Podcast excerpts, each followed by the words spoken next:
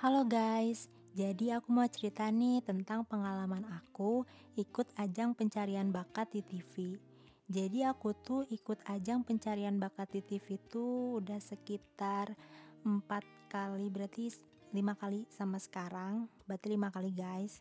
Jadi dimulai pas aku umur 9 tahun berarti kelas 3 SD lah ya jadi di situ tuh yang namanya anak kecil kan ya biasa nonton TV terus tiba-tiba iklan. Nah iklannya tuh idola cilik. Terus aku langsung bilang lah ke ibu aku kan bu aku pengen dong ikutan idola cilik biar bisa tampil di TV gitu kan.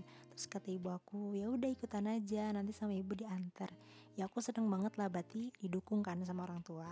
Nah akhirnya aku memutuskan untuk ikutan audisi idola cilik di Jakarta.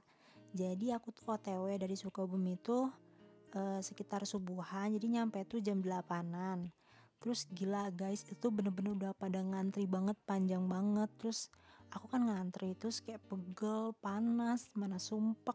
Terus tiba-tiba aku tuh masuk ke rumah auditionnya tuh sekitar jam 2an gitu. Berarti udah siang banget kan ya bayangin aku ngantri berapa jam.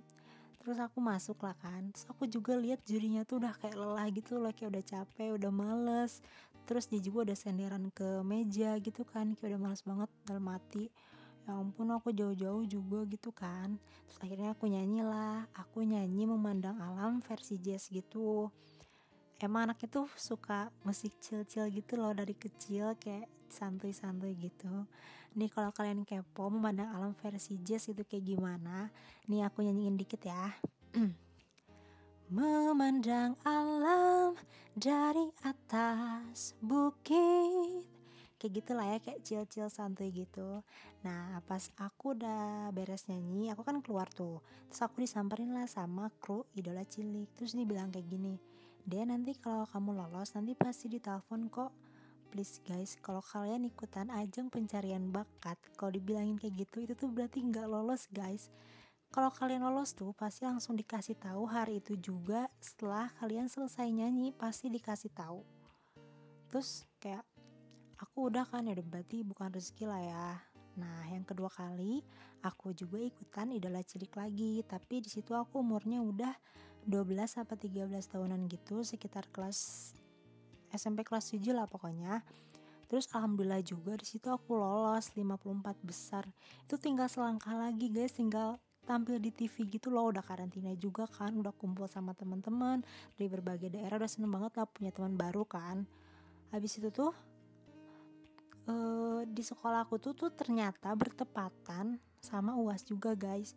Jadi di SMP aku itu SMP yang RSB gitu rintisan sekolah bertaraf internasional. Jadi ujiannya tuh ada dua kali uas biasa sama uas direktorat gitu. Emang cuma tiga mata pelajaran sih tapi semuanya tuh pakai bahasa Inggris guys. Kan serem banget. Jadi aku tuh kayak takut gitu. Lagi yang pertama kali kan. Jadi aku ya udahlah aku milih uas aja gitu. Aku melepaskan ini idola cilik. Terus ibu aku juga nggak maksa gitu sih. Jadi ya udahlah berarti bukan rezeki lagi.